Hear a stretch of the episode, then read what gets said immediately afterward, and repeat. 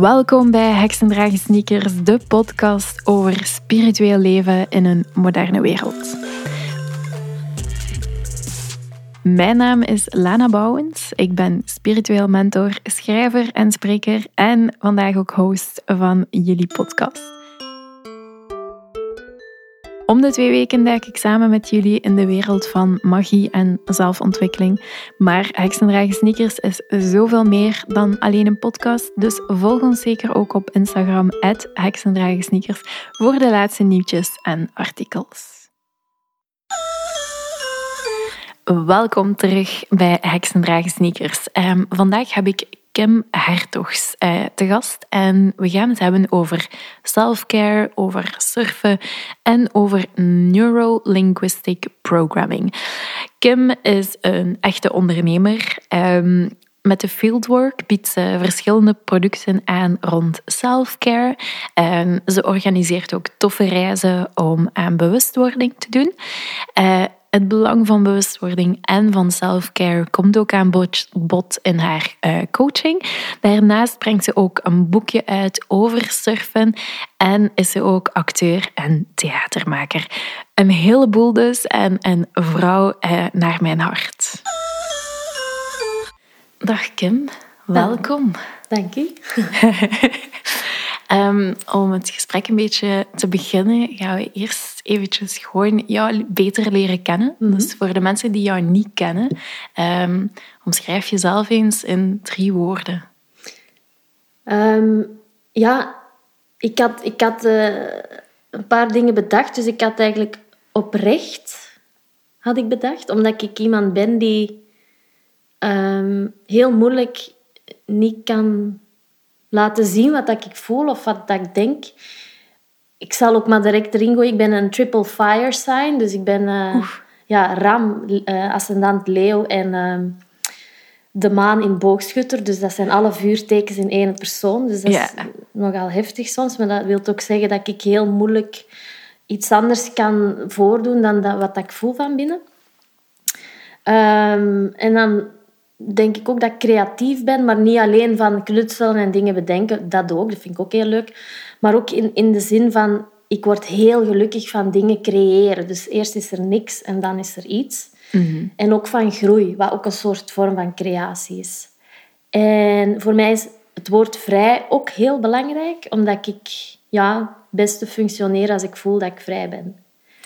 Maar nu denk ik, nu heb ik allemaal dingen gezegd die ik vind ik ben, maar Misschien bedoelde jij meer, wat doe jij? je moet volledig kiezen. Oké, ja. ja, omdat ik mij ook niet graag... Ik doe heel veel dingen, maar ik wil mij ook niet vastpinnen op... Ik ben bijvoorbeeld actrice, ik ben dat wel, ik doe dat wel, maar ik ben dat niet, snap je? Ik, ja. Dat is iets dat ik doe, maar dat definieert mij niet volledig, vind ja. ik. Ja, het is natuurlijk ook een uitdaging om jezelf samen te vatten in drie woorden. Ja, ja. natuurlijk ja maar dat dan... vind ik ook wel interessant, wat dat allemaal in u oproept. Want soms zeggen mensen, ik ben moeder en leerkracht en ik woon in die stad. En dan denk ik, ja, dat zijn allemaal dingen die je, die je hebt of zo. Hè? Maar die kun je mm -hmm. ook kwijtraken. Dus dat ben je niet altijd. Ja. Um, daarom dat ik over andere dingen begon na te denken. Maar ja, dan zijn je al tien uur bezig over één vraag. Uh, maar dat vind ik dan ook wel boeiend of zo, om daar op die manier eens naar te kijken. Ja, het is inderdaad wel interessant, omdat het altijd ook wel een deeltje van je persoon laat zien in de manier waarop dat je die ja. woorden kiest, van of dat je inderdaad je beroep kiest Ja. of, of iets anders. Uh, op zich maakt dat niet uit, Nee. hè? maar het geeft wel een beetje een idee van wie dat je bent. Dus Mm. vrij eh, Vrij creatief en oprecht. oprecht. Ja, oké. Ik vind dat een ook weer een heel mooie samenvatting. Ehm, we gaan het vandaag hebben over, ik wil zeggen self-care, maar uiteindelijk denk ik dat we het over heel veel dingen gaan hebben.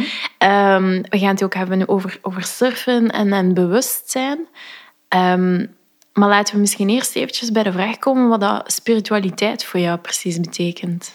Ja, ehm, ik vind dat een heel mooie vraag. En ehm, voor mij is spiritualiteit eigenlijk een soort van ehm, herinnering van heel veel dingen die we vergeten zijn. Hè? Dus een soort van herinnering van dingen die, die vroeger, en met vroeger bedoel ik eh, duizenden jaren voor Christus, bij wijze van spreken, of niet bij wijze van spreken, die toen vanzelfsprekend waren. Hè? Dus mensen leefden in, in, in een soort van vloeiend contact met de natuur. Dat was gewoon het enige ook dat er was. En ehm, mensen wisten van elk plantje, dat heet zo. Of ja, nee, dat heet zo. Ze hadden dan bedacht, wij noemen dat zo. Maar dat doet dat, dat heeft dat weldadig effect als je ziek bent of weet ik veel wat.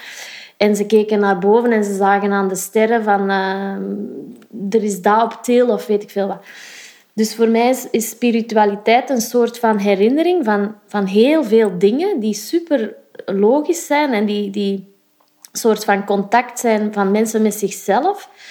En ook contact tussen mensen en de natuur of de dingen die, die, die hen omgeven. En ja, spiritualiteit voor mij vandaag is eigenlijk het opnieuw uh, gaan onderzoeken of beleven van wat dat dan precies is. Want um, dat was altijd vanzelfsprekend. En dan zijn daar ook bijvoorbeeld... Ik geloof dat, hè. dat is mijn manier om daar naar te kijken. Ik denk dat de meeste godsdiensten ook zijn ontstaan uit een soort van connectie van mens en natuur en omgeving. En dan hebben ze dat in een soort van mal gevormd en gezegd van oké, dit is dan het christendom en dit is dan de islam. En dit is dan... Want in feite, als je, als je die godsdiensten gaat bekijken, dat gaat heel vaak over dezelfde dingen. Ja, inderdaad. Die noemen ze dan wel anders. En uh, dan hebben ze daar ook bepaalde figuren uh, op geplakt of zo. Maar in feite, de, de, de grootste waarden van de meeste godsdiensten zijn, zijn hetzelfde. Mm -hmm. En um, ja, dan, dan is er ook zo... Op een gegeven moment zijn mensen bepaalde godsdiensten gaan interpreteren of daar bepaalde heel strikte richtlijnen op gaan plakken. En dan hebben andere mensen zich daar weer van afgezet, waardoor dat godsdienst ineens iets vies was of iets onaantrekkelijks. En dan was het weer hip om je daarvan af te keren. Maar in theorie komt het gewoon altijd op hetzelfde neer. En dat is voor mij het spirituele. Het, mm die soort van... Ben wat voorzichtig met begrip, maar een soort van universele waarheid. En ja, daarom zeg ik, waarheid, dat bestaat niet echt, want dat is ook altijd een interpretatie of een, of een, of een manier van, van iets te zien. Maar ja, een soort van, dat is altijd voor iedereen waar. En vandaag proberen wij, ik, eh, nog mensen, dat op een bepaalde manier opnieuw te gaan ontdekken en te gaan ja, installeren in, in, in ons leven. Um, door ja, die connectie met jezelf te gaan voelen, zoals bijvoorbeeld intuïtie toe te laten. Ja. Um, want ja, die godsdiensten zijn al ontstaan, dan is er... Uh, allez, ik ga nu even heel kort door de geschiedenisbocht, maar dan is er de verlichting geweest, de wetenschap die opkomt en al die dingen. En we zijn alsmaar verder verwijderd geraakt van ons contact met onszelf en met de natuur. Want op een gegeven moment zijn wij vandaag op een punt gekomen dat mensen iets voelen en dat niet vertrouwen wat ze zelf voelen, maar een andere persoon, een dokter of zo, moet dan gaan zeggen tegen hun, je hebt dat. Terwijl ik denk, ja, maar je... Sorry, ik ga nu niet de wetenschap in vraag stellen, absoluut niet, maar je kunt ook zelf al heel veel dingen weten door je intuïtie toe te laten. En dat is iets dat we, denk ik, terug dienen te herinneren om gewoon ja, veel wijsheid die we verloren zijn geraakt of die we vergeten zijn, opnieuw in ons leven te introduceren, die ons gewoon kan helpen met uh, op een goede manier, een leuke manier te leven. Met onszelf, met anderen. En natuurlijk, die wetenschap en zo, dat is ook fantastisch, want dat zorgt ervoor dat superveel ziekten ook genezen kunnen worden en mhm. al die dingen. Maar er is ook zoveel dat we zelf eigenlijk al weten en kunnen doen. En dat is voor mij spiritualiteit. En dat gaat niet alleen maar over, over ziekten en, en dat soort dingen. Hè.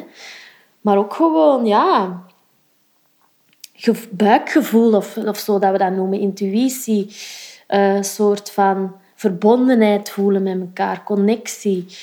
Um, ja, dat is voor mij allemaal spiritualiteit. Ja. Heb je het gevoel dat we nu meer in een tijdperk komen waarbij dat wetenschap en spiritualiteit naast elkaar kunnen leven? Ja, ik denk ook dat dat moet. Hè, want uh, ik wil op geen enkel moment een pleidooi houden voor minder wetenschap of zo. Hè. Absoluut niet. Maar ik denk dat het en-en is. Want Ja. we hebben absoluut supergoeie dingen eh, te danken aan de wetenschap. Hè. Ik bedoel, het feit dat wij hier misschien allebei zijn, misschien al. Hè. Maar ehm, ik denk dat het, dat het op een gegeven moment in, in, in de tijd soort van of-of is geworden van ja, het is ofwel gelooft in de wetenschap, maar dan moeten al die andere dingen loslaten of je belandt op de brandstapel, bij wijze van spreken. Ja. Hè, dat is ooit ook zo geweest. Hè. Ehm, en ik denk dat het en-en is. Hè. Ehm, ik denk echt wel dat je, dat je heel veel extra dingen... Ja, dat, dat, dat, dat het intuïtieve en het, de connectie met de natuur je heel veel extra dingen kan, kan opleveren. En, en daarnaast moeten we heel blij zijn dat de wetenschap vandaag ook is wat die is. Hè. Dus eh, voor mij is dat echt wel en, en, en, en. Nog veel dingen die we misschien nog niet kennen of nog niet weten of ons nog niet kunnen herinneren. Ja. Nee? Oké. Ja, ik, ik vind persoonlijk ook van dat, we, dat je veel meer voelt van... Ja, dat het vroeger een beetje taboe was om ze alle twee te aanvaarden. En dat daar nu veel meer ruimte voor is. En ik vind dat ook een, een positieve stroming waar dat we naartoe gaan. Waarbij dat zowel spiritueel kunt zijn als ruimte houdt voor alles wat dat wetenschappelijk is. En daar ook achter staat van dat er eh, wetenschappelijk onderzoek en vooruitgang is en zo. Eh, ik, ik denk dat dat iets is waar, waar dat er meer verzoening mogelijk is en dat dat allee, een positieve stroming is. Eh, zeker toch een moderne vorm van spiritualiteit. Ehm, Zoals ik al zei, we gaan het hebben over, over self-care. Ehm, en laten we het eerst even hebben over jouw self-care club. Ehm, Misschien moet je eerst gewoon even zeggen wat dat is en hoe dat, dat ontstaan is. Ja, ehm, voor mij is, is ehm, bewustzijn heel belangrijk. Hè? Dat is in principe ook het hoofddoel van de, van de fieldwork, om, om meer bewustzijn bij mensen te creëren. En een van de, van de, van de basisgegevens vind ik daarvoor is eh, met jezelf in het reinen zijn en een soort van genoeg ruimte hebben voor jezelf. Omdat ik denk van, als dat er niet is, ja, dan is al de rest bijna onmogelijk. Ehm, en ik hoor nog, dat is natuurlijk ondertussen alweer geëvolueerd, maar ik hoorde nog heel vaak mensen zeggen, ja, self-care, dat is kei egoïstisch. Uh, ik ben het belangrijkste, of, of wat ik vind, uh, komt eerst. En dan denk ik, ja, oké, maar zo moet het niet zien. Ja. Ik denk meer um, aan self-care van, oké, wie, wie zijde jij van binnen? Welke vorm neem jij aan en hoe kom jij naar buiten? En vallen die twee een beetje samen? Ja. Want je hebt heel vaak, als mensen niet in contact zijn met zichzelf, dat ze van alles willen zijn of, of streven naar, of zich zo ja, vertonen. Maar als je dan dieper op die mensen ingaat, dan voel je van, ja, maar wat er van binnen bij je leeft, dat valt totaal buiten de vorm die jij aan de wereld toont.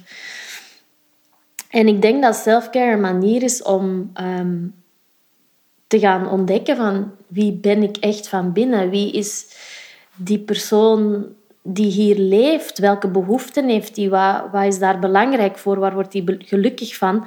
En als je daar achter komt, dan weet je ook... Oké, dus hoe kan ik mijzelf gaan vormgeven... Um, zodat ik met het hele pakket tegelijk naar buiten kan komen en ook zo gelukkig mogelijk kan worden en ook andere mensen gelukkig kan maken. Hè? Ja. Dus dat waren mijn, mijn, de dingen die in mij, in mij speelden. Van oké, okay, hoe, hoe zit dat hier nu mee? En voor mij is de Selfcare Club dan eigenlijk ontstaan als een soort van fictieve club. Waarmee ik mensen probeer um, ja, te verleiden om daar ook meer aandacht aan te besteden. Hè. En, en ik bedenk dan van die onnozele dingen, zoals zo'n patch dat je ergens kunt op, opstrijken. Ja.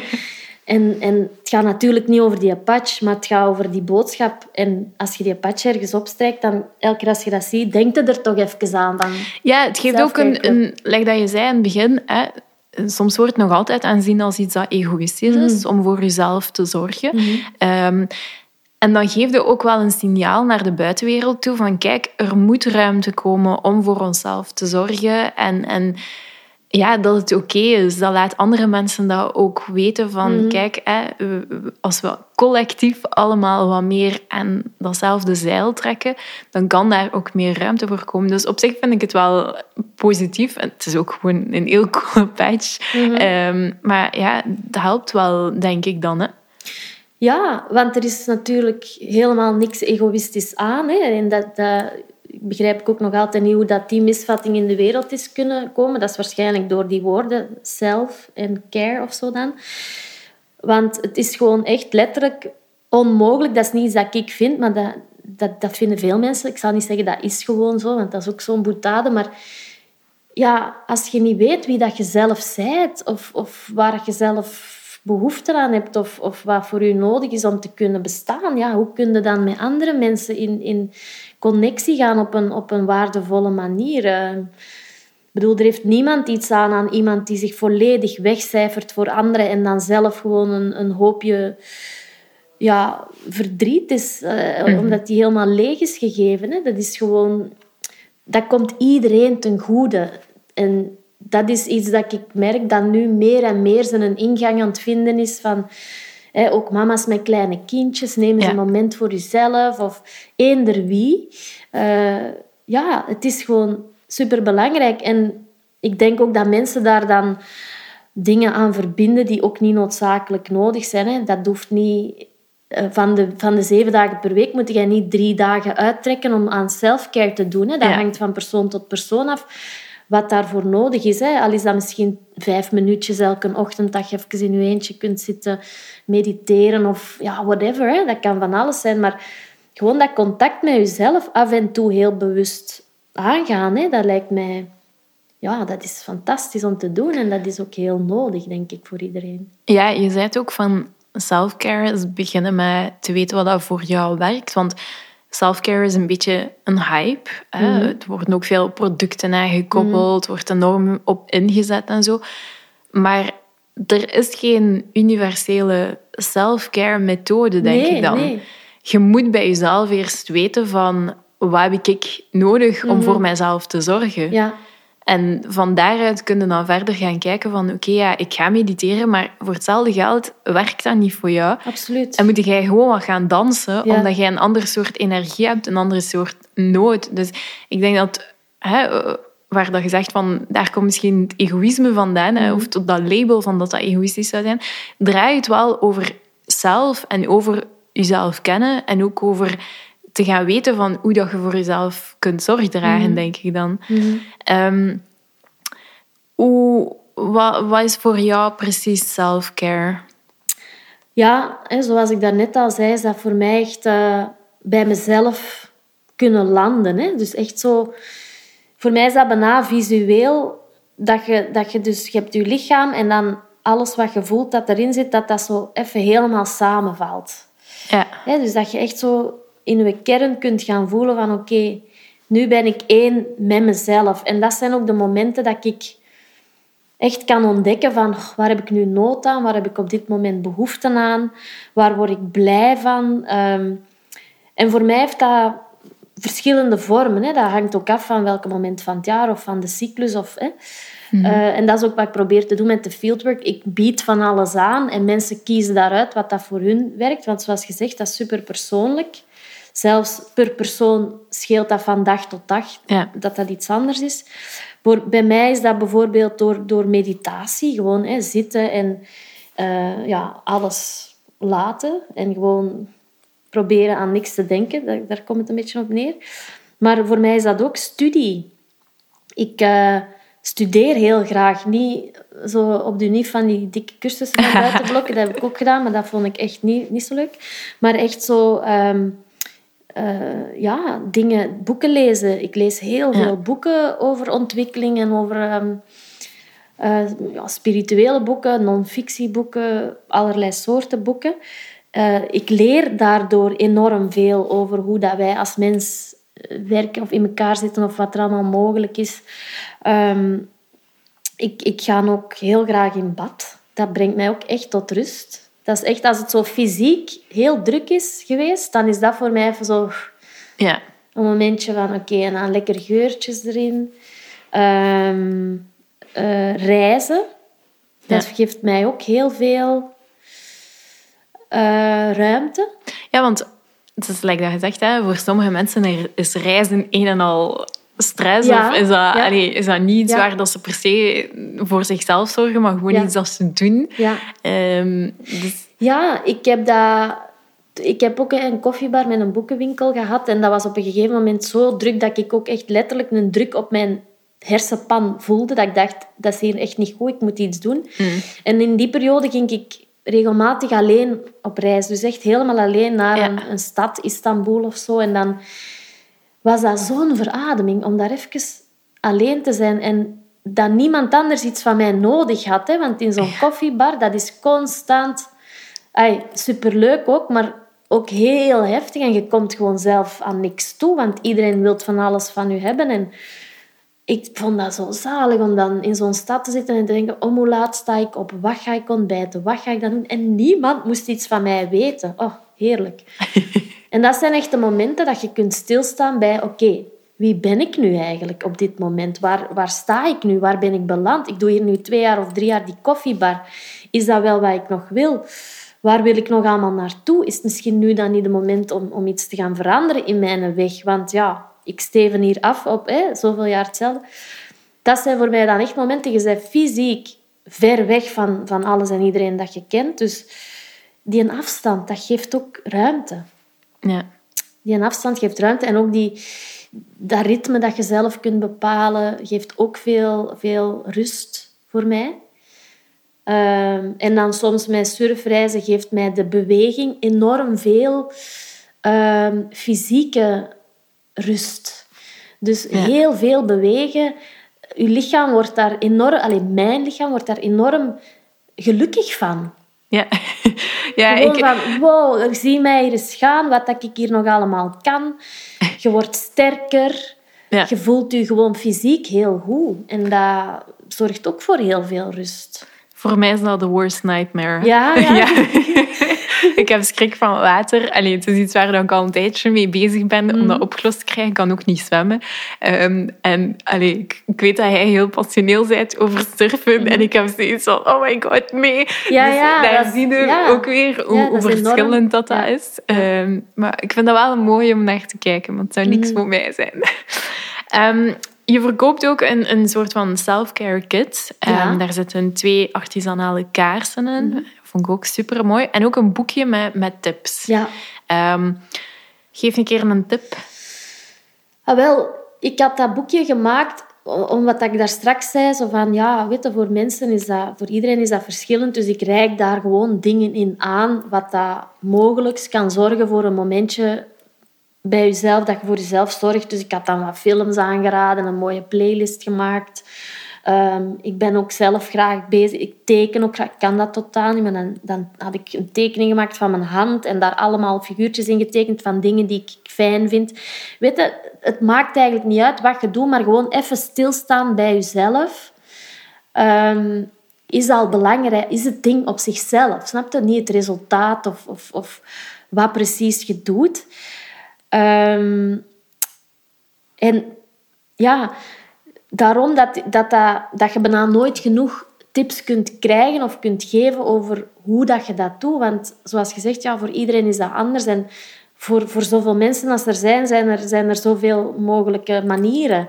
Ja. Als dat voor iemand is... ehm keiharde death metal muziek, tien minuten lang op maximum volume en headbangen.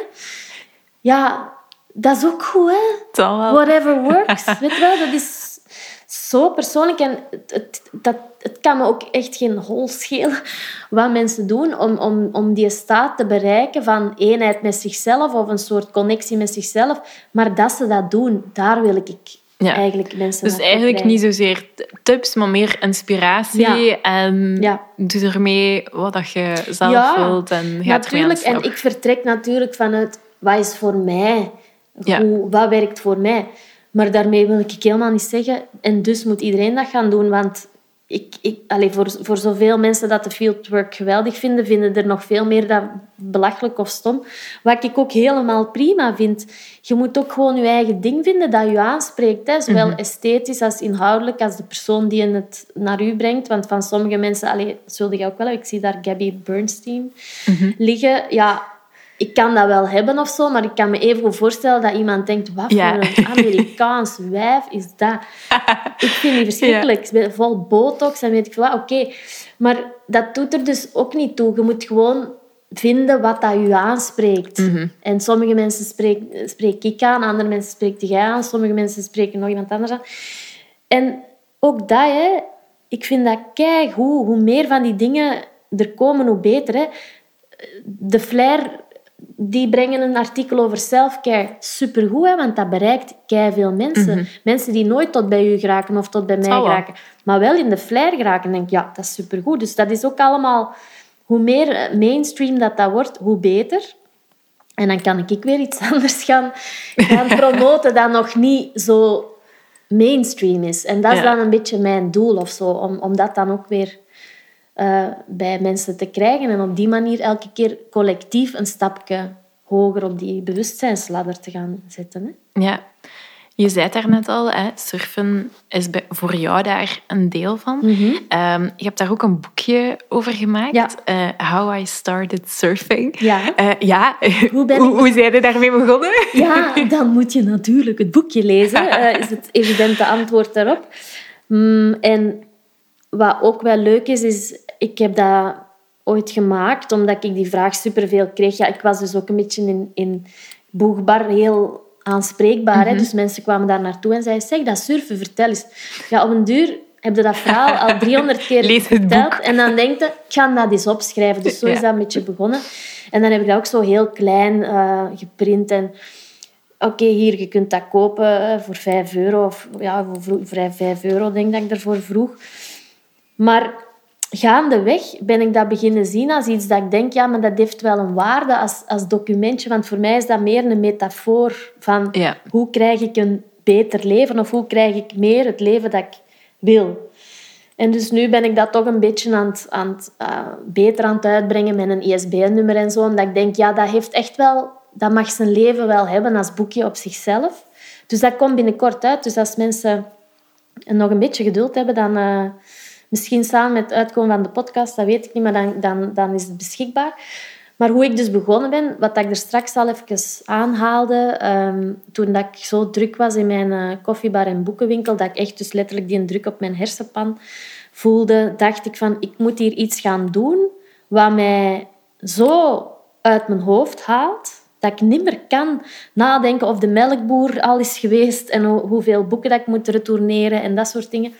Want ik kon nooit, niet, kon nooit stoppen met nadenken over die zaak. En, en ik was eigenlijk al jaren gefascineerd door, door surfers en skaters. En ah ja, dat is cool natuurlijk. Ja. Hè? En ik dacht, ja, wat de hek, ik ga dat gewoon eens doen. Ik ga het waarschijnlijk niet kunnen. Ik was toen 34, denk ik. Maar ik dacht, ja, ik ga waarschijnlijk niet kunnen nadenken hè, terwijl dat ik dat doe, want dat zou wel moeilijk zijn. Dus ik ben echt zo... Ik had mezelf denk ik tien minuten gegeven om achter mijn bureau in Boegbaar rap een reis te boeken. Zo opgezocht, eh, surfles, Marokko. En dan wat ik nog nooit had gedaan via TripAdvisor iets. En ik dacht, oh, dat zou wel super slecht zijn, want het staat op Tri- TripAdvisor. Maar in, in ieder geval, ik vind hier iets snel en het is niet duur. En, en ik ging daar naartoe. En dat was helemaal niet slecht. Dat was zalig. Ik zat alleen in de Riad. Dat was voor mij al Ja. Zoals ik daarnet zei, alleen zijn was op dat moment heel fijn. En ik had alleen surfles, want er was geen groep. Het was januari, dus er Ah, was helemaal niemand. Oké, ja. Dus ik had alleen surfles. Ik zat alleen in de Riad. Privéles. vijf dagen privéles. En dat lukte ook direct. Ja. Ik zal niet zeggen dat ik een eh, talent ben, maar dat was gewoon, ja, als er een leraar de hele tijd naast u staat en het zit een beetje mee. En na een paar dagen dacht ik, ah ja, ik was hier om te stoppen met nadenken, maar ik was dat zelfs vergeten. Dat je... Ja, ja. Dus dat was zo goed. En dat was zo'n diepe ervaring dat ik dacht van, wow, er moet echt iets veranderen in mijn leven, want deze is, Ja. deze is niet oké. Allee, dat was heel oké wat er dan met mij gebeurde, maar ik voelde ook van, ik moet meer van dit in mijn leven hebben. En ehm, surfen staat ook een beetje voor... Ja, er zijn niet elke dag golven, dus als er golven zijn, moeten daarop kunnen ingaan. Dus die flexibiliteit, Ja. ook van de zee, die altijd anders is. Dus er zitten zoveel metaforen ook in. Wat dat ik dan eigenlijk een mooie, mooie basis vond om daar een soort van verhaal rond te, te, te creëren. Over hoe wil ik eigenlijk een, een beter leven of hoe wil ik meer het leven waar, waar ik van droom. En dat surfen leent zich daar perfect voor, omdat dat, ja, je, sta- je staat in contact met de natuur, met de getijden. De maan heeft daar ook weer invloed op. Dus dat heeft zoveel meer om het lijf dan alleen dat coole imago-ding. Ja, dat komt er dan bij. Dat is niet zo erg per se. Hè. Dat je dan ook nog mooi bruin ziet en je haar bleek dan zo af en zo. Maar daarvoor doet het Nee. natuurlijk niet. Hè. Ehm, en zo is dat boekje dan ontstaan. En, en ja, dat, daar zit dus een heel, een heel verhaal achter. En je zou gemakkelijk die, dat surfen kunnen vervangen door mediteren of yoga Ja. doen. Of, snap je? Natuurlijk heb je bij mediteren en bij yoga doen niet de zee nodig, die elke dag anders is. Ja. Je mat blijft hopelijk liggen op dezelfde plaats waar je ze hebt achtergelaten. Maar ik wil maar zeggen, dat heeft wel een grote metaforische waarde, waar- waardoor dat ik denk dat dat ook heel interessant kan zijn om, om, te, om te, te lezen als je niet surft of als je daar niet mee bezig bent of die ambitie niet hebt. Maar dus ja, ehm, in het boekje wordt dat helemaal uitgelegd hoe dat ik eraan begonnen ben en allee, die dingen. Ja. Ook wat praktische tips voor als je wilt beginnen.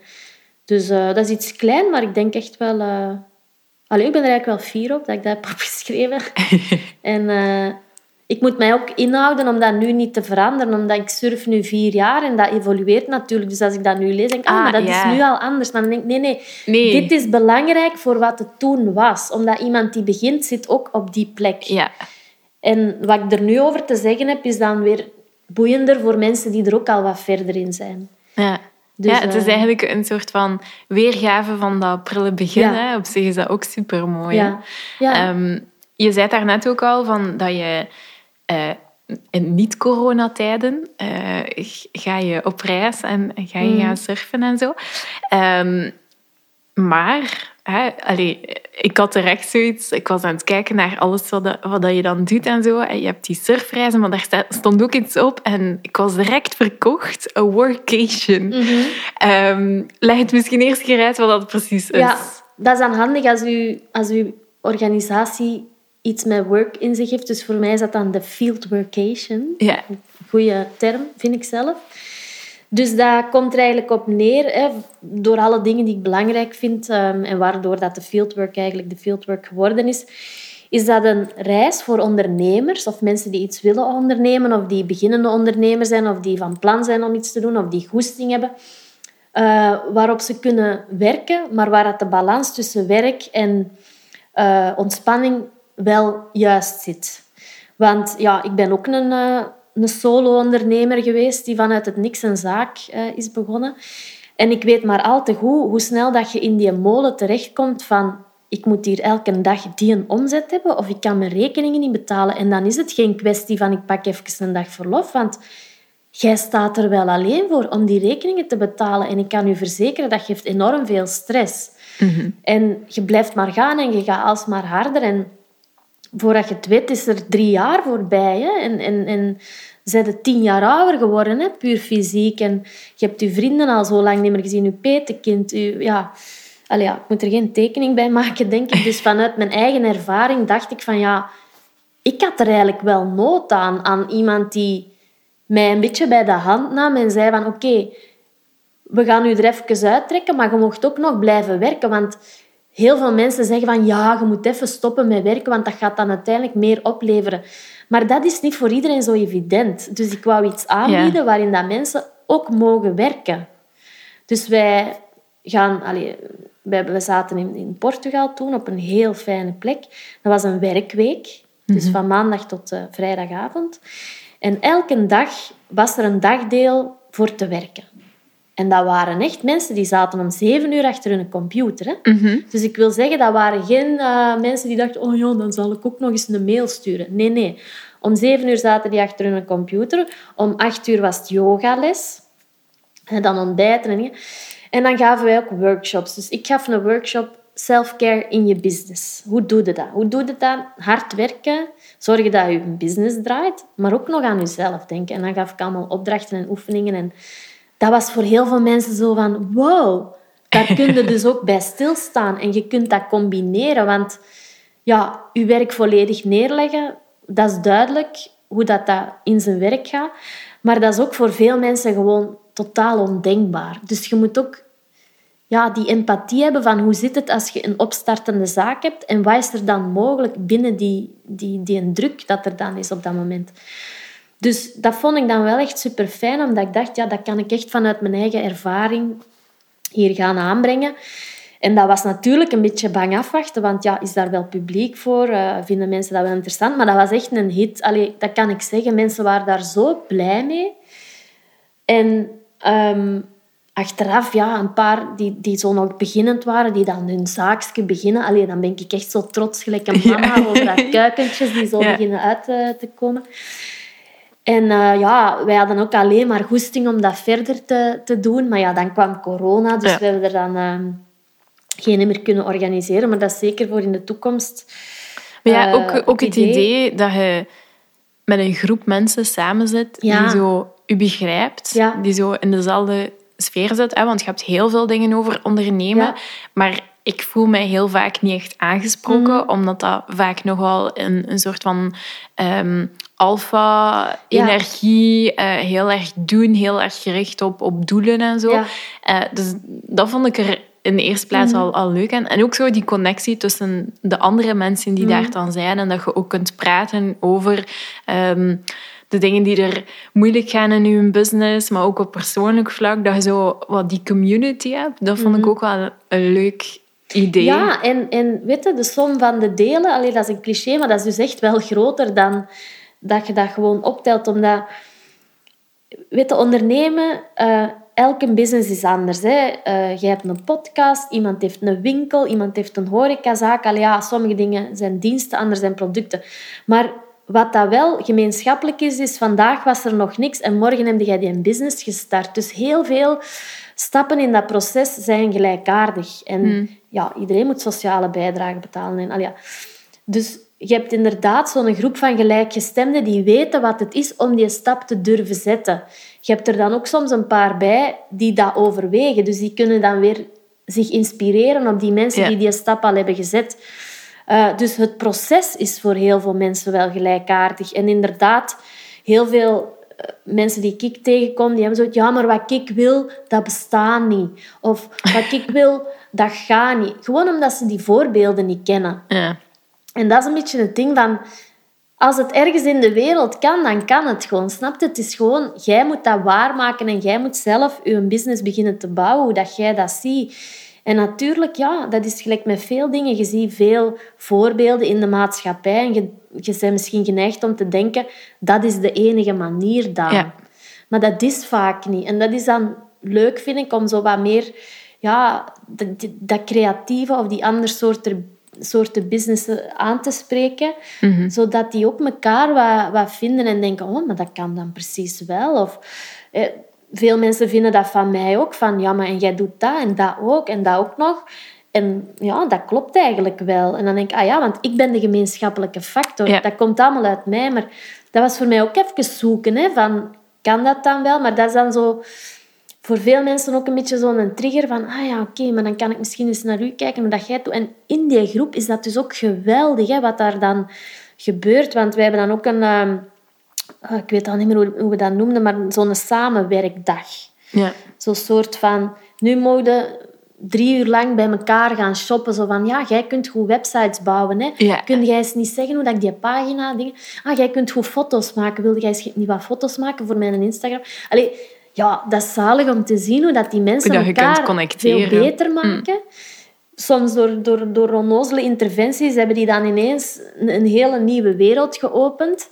Want iedereen komt daar met zijn eigen verhaal en dat is sowieso heel boeiend. Hè? Om, om van elkaar te leren en om elkaar beter te maken. En iedereen stelt vragen aan elkaar. Ja, hoe doe jij dat? En ah, dat zou ik nu misschien... Ah, en voordat je het weet, zijn we weer veel verder. En moeten wij eigenlijk nog niks doen. Dat is die groep zelf, dat dat gewoon uh, bij elkaar versterkt. Hè. Dat is echt... Uh, ja. Ik vind dat... Ik krijg zo kippenvel als ik daarover vertel. Ik vind dat heel... Ja, dat geeft mij superveel voldoening als je die mensen dan ook zo wat bij elkaar kunt, uh, kunt brengen. Ja. Ja. Dus uh, bij deze, uh, mijn inschrijving is al ingediend. Okay. Vanaf dat uh, corona voorbij is, ja. gaan we op reis. Ja. um, je, je zegt al dat je heel veel verschillende dingen doet, waaronder ook, um, je bent een gecertificeerd NLP-coach. Ja. NLP, wat wil dat zeggen? Neuro-linguistic Programming. Ja. Wat is dat? Ah, wel, dus in, in neurolinguistisch uh, programmeren zit hè, linguistisch, taal. En dus communicatie. En NLP zegt eigenlijk van hoe dat we dingen communiceren. En communiceren is verbaal, non-verbaal, energetisch, emotioneel. Um, dat zegt heel veel hoe dat wij naar de wereld kijken, hoe dat we de wereld ervaren. Hè? Dus iedereen op zichzelf. En als je een probleem ervaart, dan kan de manier waarop dat je daarover communiceert er zowel voor zorgen dat je dat probleem in stand houdt of dat je dat probleem ja. kwijtraakt. En mijn job als coach is eigenlijk uh, een beetje zoals ja, mijn missie van de fieldwork om, om mensen um, meer zicht te laten krijgen op, op die persoonlijke manier van dingen communiceren en van over dingen praten. En die processen van, van communicatie uh, helder te maken. He, zowel wat zeg je tegen jezelf? Jij kunt dat niet. Uh, allee, dat, dat, dat doet het toch niet? Allee, dat soort dingen. Wat zeg je tegen jezelf? Wat zeg je tegen anderen? Uh, en, en die mensen tools aanreiken om, om meer mogelijkheden te krijgen om uit die probleemsituatie weg te, te geraken. Ja. Um, en doordat ik veel vragen stel, hè, komt die persoon uiteindelijk in, in de meest ideale eh, situatie tot, tot allemaal oplossingen die, zelf, die de persoon zelf formuleert. Ja. Dat is heel belangrijk, omdat ze dan eigenlijk empowerde zo de mensen om zelf hun, hun problemen op te lossen. Omdat, ja, ik ga niet gelijk een, een, een psychoanalist of zo, hè, die, die, die luistert naar uw verhaal en dan, dan maken die een analyse. Ja. Dat doe ik niet. Ik ga door vragen te stellen die persoon eigenlijk zelf empower, dat die denkt, wow, ik heb mijn eigen verantwoordelijkheid over mijn leven en over wat dat er bij mij allemaal niet goed zit en ik kan dat zelf hier aanpassen. Mhm. Dus um, wat heel belangrijk is, is dat die oplossingen die worden aangereikt, dat dat allemaal dingen zijn dat die persoon zelf in de hand heeft. Dus niet uh, hoe kan ik mijn uh, schoonmoeder die vervelende vragen stelt zo goed mogelijk uitschakelen, maar wel hoe kan ik daarin gaan staan in die, in die relatie, zodat dat mij totaal niet meer stoort. Ja. En um, het ding is dat mensen Mensen maken altijd de keuzes of de beslissingen of de levensbeslissingen uh, met, met de info die ze op dat moment hebben. Dus Mhm. op dat moment is dat het enige dat ze denken dat ze kunnen doen. En door bepaalde vragen te stellen, krijgen mensen meer mogelijkheden van ah, bestaat dat ook nog? Ah, kun je het zo ook zien? Want ja, iedereen heeft overtuigingen die vaak al van de geboorte zijn meegegeven. Het is zo, zo van Ja. die waarheden. Maar dat zijn maar overtuigingen en voor elke overtuiging zijn er tien ander. Dus jij kunt opgevoed zijn eh, in een gezin waar dat altijd werd gezegd, ook een van mijn lievelingstopics eh geld, eh, rijke mensen zijn slecht. Hè? Dat zeg ik nu heel eh, overdreven. Ja, dan ga jij, als jij daarvan overtuigd bent, want ja, je ouders hebben nu dat altijd gezegd, dan ga jij het misschien moeilijk hebben met veel geld te verdienen. Ja. Terwijl op zichzelf is er helemaal niks mis met veel geld. Want met veel geld kun je dus ook heel veel goede dingen doen. Goede doelen steunen, NGO's steunen, ehm, fantastische projecten opzetten, mensen helpen. Dus dat kan allemaal ook met geld gebeuren. Maar als jij overtuigd bent van het feit dat rijke mensen zijn slecht, ja, dan ga jij nooit ervoor zorgen dat je veel geld hebt. Dus door dat soort dingen in vraag te stellen, dus ik vraag heel vaak aan mensen als die dingen zeggen van ja, de, de rijke mensen zijn toch slecht, dan vraag ik bijvoorbeeld, ah ja, wie zegt dat? ja, dan kom je in de problemen. Want dat is niet iemand die dat als verdrag heeft uitgevaardigd van dat is altijd zo. En dan gebeurt dat dat mensen denken, ah ja, inderdaad, is dat wel zo? Ik heb dat altijd zo gehoord thuis, maar misschien... En zo ja, wrikte zo wat van die starre overtuigingen zo los, waardoor dat mensen ineens zo denken van wow, en, en zich bevrijd voelen en denken, amai, misschien is er hier toch nog van alles anders mogelijk. Ja.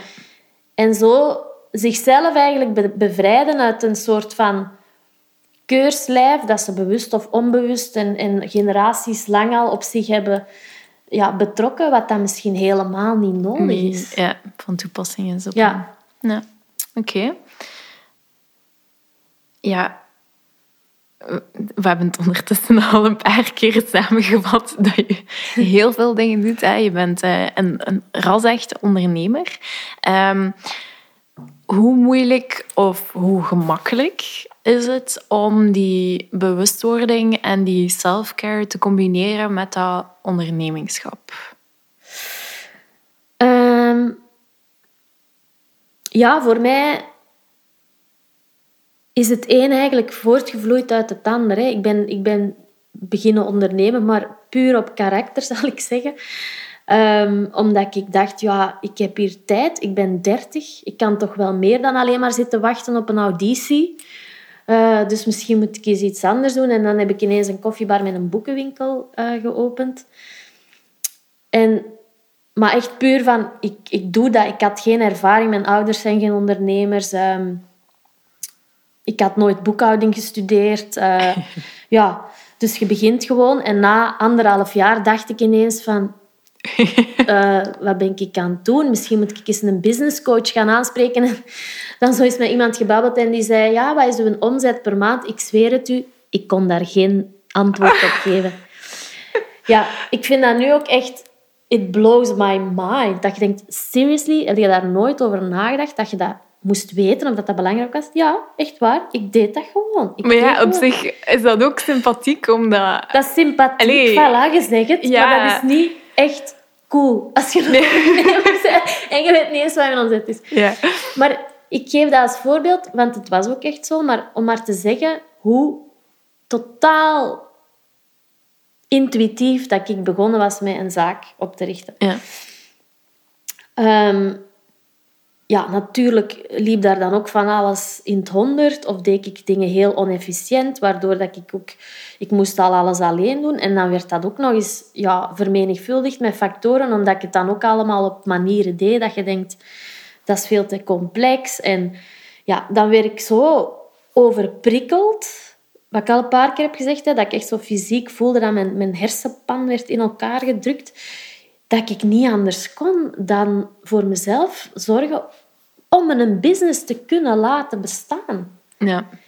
daarom dat ik ook die workshop heb bedacht van self-care als noodzakelijke voorwaarde voor het goed draaien van uw business. Want ja, maar sorry, als jij je niet goed voelt, hoe ga jij dan je business goed kunnen laten draaien? Als jij uitvalt, in mijn geval was dat heel denk bij u ook, daar hadden we het daar straks over. Als ik uitviel, ja, dan was er geen boekbaar niet meer. Hè. Dan was er niemand niet meer die de boeken koos en de koffie maakte. Dus ik had wel direct door van dat is, dat is echt wel een belangrijke schakel en die moeten verzorgen. En ik vind dat je dat kunt toepassen op alles, hè. business of niet business. Hè. Maar, um, dus ik, ik heb dat echt noodgedwongen um, moeten, ik, ik moest dat wel, wel gaan implementeren. Uh, en dat wou dan zeggen van oké, grenzen afbakenen. Wat heb ik nodig om hier te kunnen functioneren? Hoeveel dagen per week kan ik nog dit doen? Hoeveel dagen per week moet ik iets anders doen? En zo ben ik dan beginnen afbouwen. Hè? En ook gevoeld van, ja, dit project loopt op zijn einde. Ik heb nu een jaar om daar afscheid van te nemen. Maar dan ook ineens te bedenken, want ik onderneem wel super graag welk deel wil ik meenemen naar mijn leven na boekbaar en welk deel is voor mij goed geweest. Ja. Dus, en ook dat is self-care. Echt heel duidelijk voor jezelf voelen waar liggen mijn grenzen, want dat is voor iedereen totaal anders. En, ehm, en die bewaken, en met heel veel liefde die bewaken, hè, voor jezelf, maar ook voor anderen. Want mensen, hè, zeker als je een horecazaak hebt of zo, dat is, ik denk voor veel mensen die dat hebben, heel herkenbaar. Als je dan een dag sluit, ja, en waar waarde? En ik heb mijn koffietje wel gemist. En in het begin voelde je dan schuldig. Ja. Maar uiteindelijk, en dat heeft dan een bevriende koffiebar-eigenaar tegen mij gezegd, Kim, uh, maak je geen illusies, die lopen één straat verder en die gaan daar een koffie drinken. Die mensen zijn niet verdrietig. Die bedoelen dat positief, zo van, jij bent goed bezig, ik kom graag bij je. Maar die bedoelen dat niet van, uh, jij moet niet sluiten, hè, want dan ga ik dood. Ja, ja. Want eigenlijk merk ik door meer voor mezelf te gaan zorgen en meer eens een keer een dag te sluiten of een keer een week te sluiten, ja, ik kreeg daar alleen maar lof voor. Hè? Mensen die zeiden, ik snap dat, je hebt gelijk, je moet dat meer doen. En ineens dacht ik van, zeg, wat zit ik hier nu al drie jaar mij zo af te jakkeren, omdat ik bang ben dat die teleurgesteld zijn. Iedereen vindt dat goed, iedereen gunt mij dat gewoon. Maar dat geloofde in het begin niet, omdat je jezelf dat ook niet wilt gunnen. Ja. En hoe meer dat je ervan overtuigd raakt van, ja, sorry, maar het kan niet anders. Ik moet dit voor mezelf doen, want anders kan ik gewoon dit niet verder doen. En dan is er helemaal niemand mee gediend. Ja. Ja, als je dat zelf echt, als je daarachter staat, dan kun je dat ook met veel meer liefde en overtuiging in de wereld zetten. En dan vindt iedereen dat ook gewoon logisch. Dus dat is ook het ding. Als jij zelf overtuigd raakt van self-care is gewoon noodzakelijk. Ik vind dat zelf heel belangrijk. Dan gaat er niemand dat Daar raar vinden. Van maken. Ja. ja. Dat is het zotte. Dat is zo ook het abundance-idee. Uh, als jij ervan overtuigd bent dat jij, ja, ik zal dat nog eens dat voorbeeld nemen, veel geld verdient, hè, dat, je dat, dat, je dat, dat dat je toekomt. Want er is uiteindelijk genoeg geld voor iedereen. Hè. Het is niet omdat jij meer geld hebt dat iemand anders minder hebt. Dat probeert de reclame en zo ons wel wijs te maken, maar dat is dus niet. Dus als jij denkt van, ik verdien veel geld, dat komt mij toe. Mijn buurman ook, hè, maar mij ook. Als je daar echt van overtuigd bent, dan komt dat dus naar u. Hè. Dat is, ik weet niet zot. En dat werkt ook bij liefde en bij self-care en bij alles gewoon. Bij tijd. Tijd. Ja. Alles. Maar als je het zelf niet helemaal gelooft of je twijfelt of zo, ja, dan gaat dat ook niet gebeuren. Ja. Dus het is wel belangrijk om in de eerste plaats zelf overtuigd te zijn van ja, dat is nodig voor mijn voortbestaan om dit mezelf te kunnen gunnen.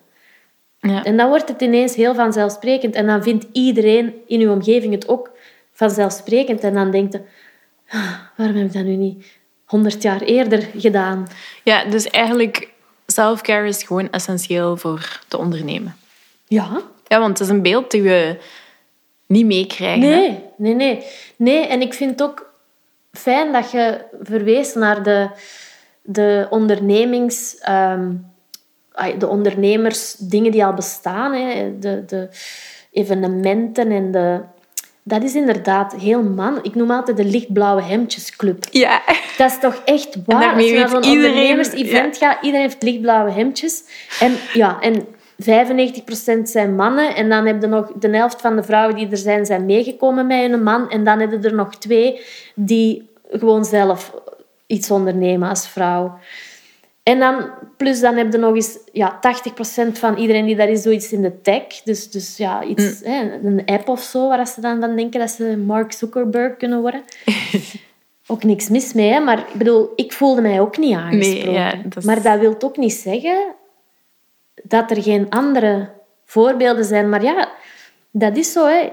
Ik heb er ook naar moeten zoeken van wie is er dan ergens dat ik denk, ah ja, maar dat is wel meer hoe dat ik het zie. Of dat is wel Ja. meer hoe dat ik het, waar ik mij aan wil spiegelen. En als ik ja, daarin meer mensen kan aanspreken die ook effectief een beetje in thuis tasten van ik wil iets voor ondernemers doen, maar ik weet niet hoe wat, want dat spreekt me allemaal niet aan, dan ben ik blij dat ik misschien een klein eh, groepje kan aan, of een grote groep kan aanspreken, die zich wel meer herkennen dan in, in mijn verhaal, dan in het eh, tech, big data, Ja. eh, lichtblauwe hemdjesclub. Ik weet niet waar mijn zin begon, dus. Nee, ik denk dat iedereen, iedereen mee is. Ja. Ehm, ja, ik denk, ik denk dat mensen dan inderdaad wel terecht kunnen bij de fieldwork voor, voor alles wat dat, met niet alleen ondernemingschap, maar ook bewustwording. Ik Ja. heb nog eh, een paar wat ik noem rapid fire questions. Ehm, de bedoeling is van daar kort op te antwoorden. Dat lukt Nee, bijna nooit. Het is volledig oké, maar we gaan het toch proberen. Ehm, wat is jouw ochtend- of avondroutine? Goh, dat verandert nogal. Ik zou zo heel politiek correct kunnen zeggen, s ochtends mediteer ik. Maar ik ben dat nu weer een tijdje kwijt. Dat is ook ja, heel eerlijk. Ehm, want dat doet mij wel goed als ik dat doe.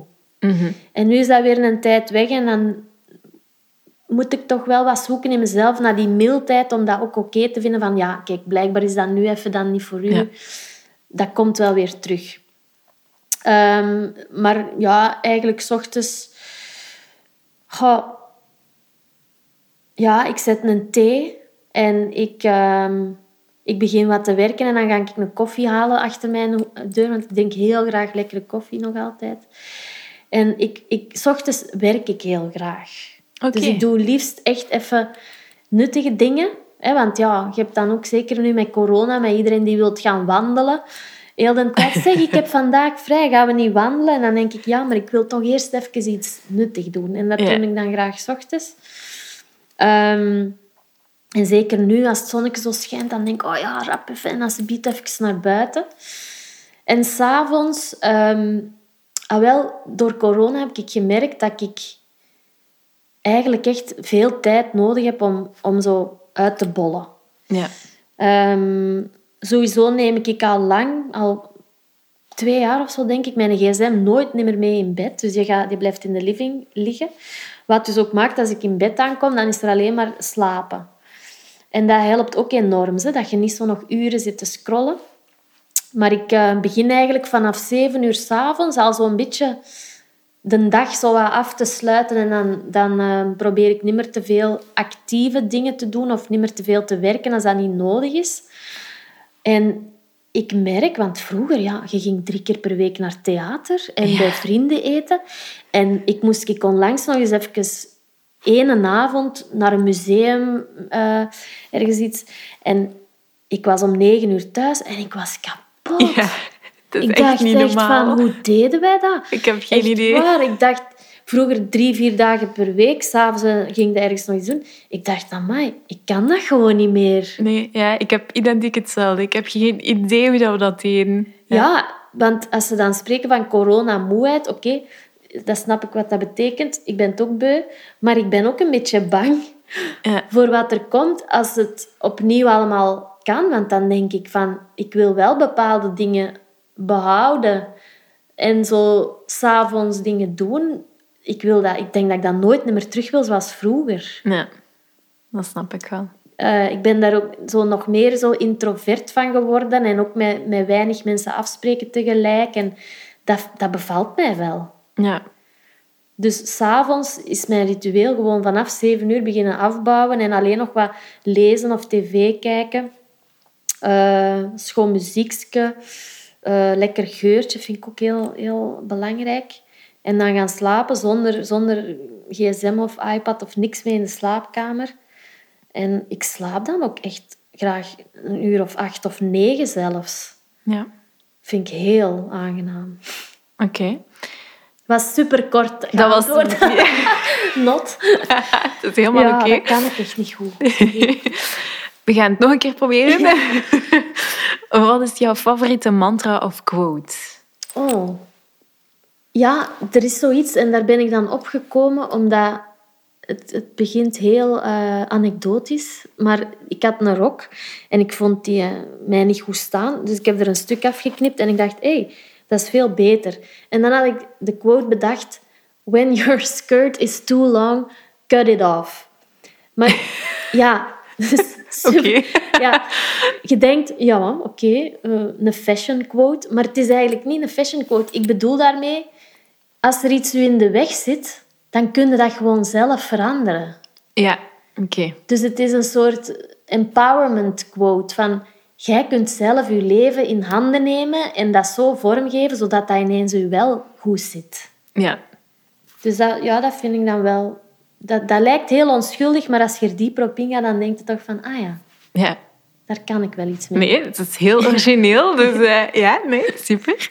Alright, de allerlaatste vraag. Eh, wat kunnen mensen doen om jou te ondersteunen? Oeh, amai, dat is een mooie vraag. Ik word er zelfs een beetje emotioneel van. Ehm, dat zien de mensen niet, maar ik voel het wel. Ehm, ik vind deze vraag heel ondersteunend. Ehm, ja, ik denk ehm, nieuwsgierigheid naar, naar ehm, oprechte nieuwsgierigheid naar, naar, eh, naar bijvoorbeeld de fieldwork of, of, of wat dat ik doe, vind ik heel leuk, omdat je daarmee in een soort van gesprek kunt komen en een soort connectie kunt creëren. En dat is voor mij ook heel inspirerend altijd.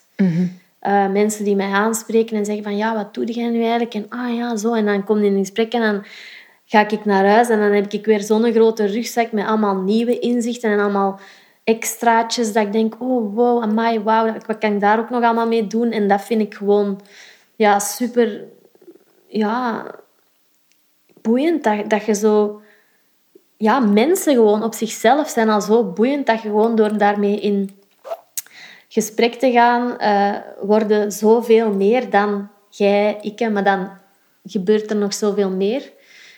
En vaak ook nog in de dagen daarna, of als ik een coaching doe met iemand, algemeen wordt aangenomen dat je een, een, ja, een persoon coacht en dat die er dan iets aan heeft, maar dat is niet zo. Ik heb daar ook heel veel aan Ja. Alleen al zien dat die persoon iets doormaakt van wow, ja, ik heb het begrepen, dit moet ik gaan doen, is voor mij een enorm fijn gevoel, heel bevredigend. Plus, door met die persoon in contact te gaan, opent er zich bij mij ook weer enorm veel dat ik bijleer. En daar kan ik van leven. Van gewoon zo dat, ja, die connectie en dat bijleren en alsmaar meer dingen te weten komen en, en bewuster worden.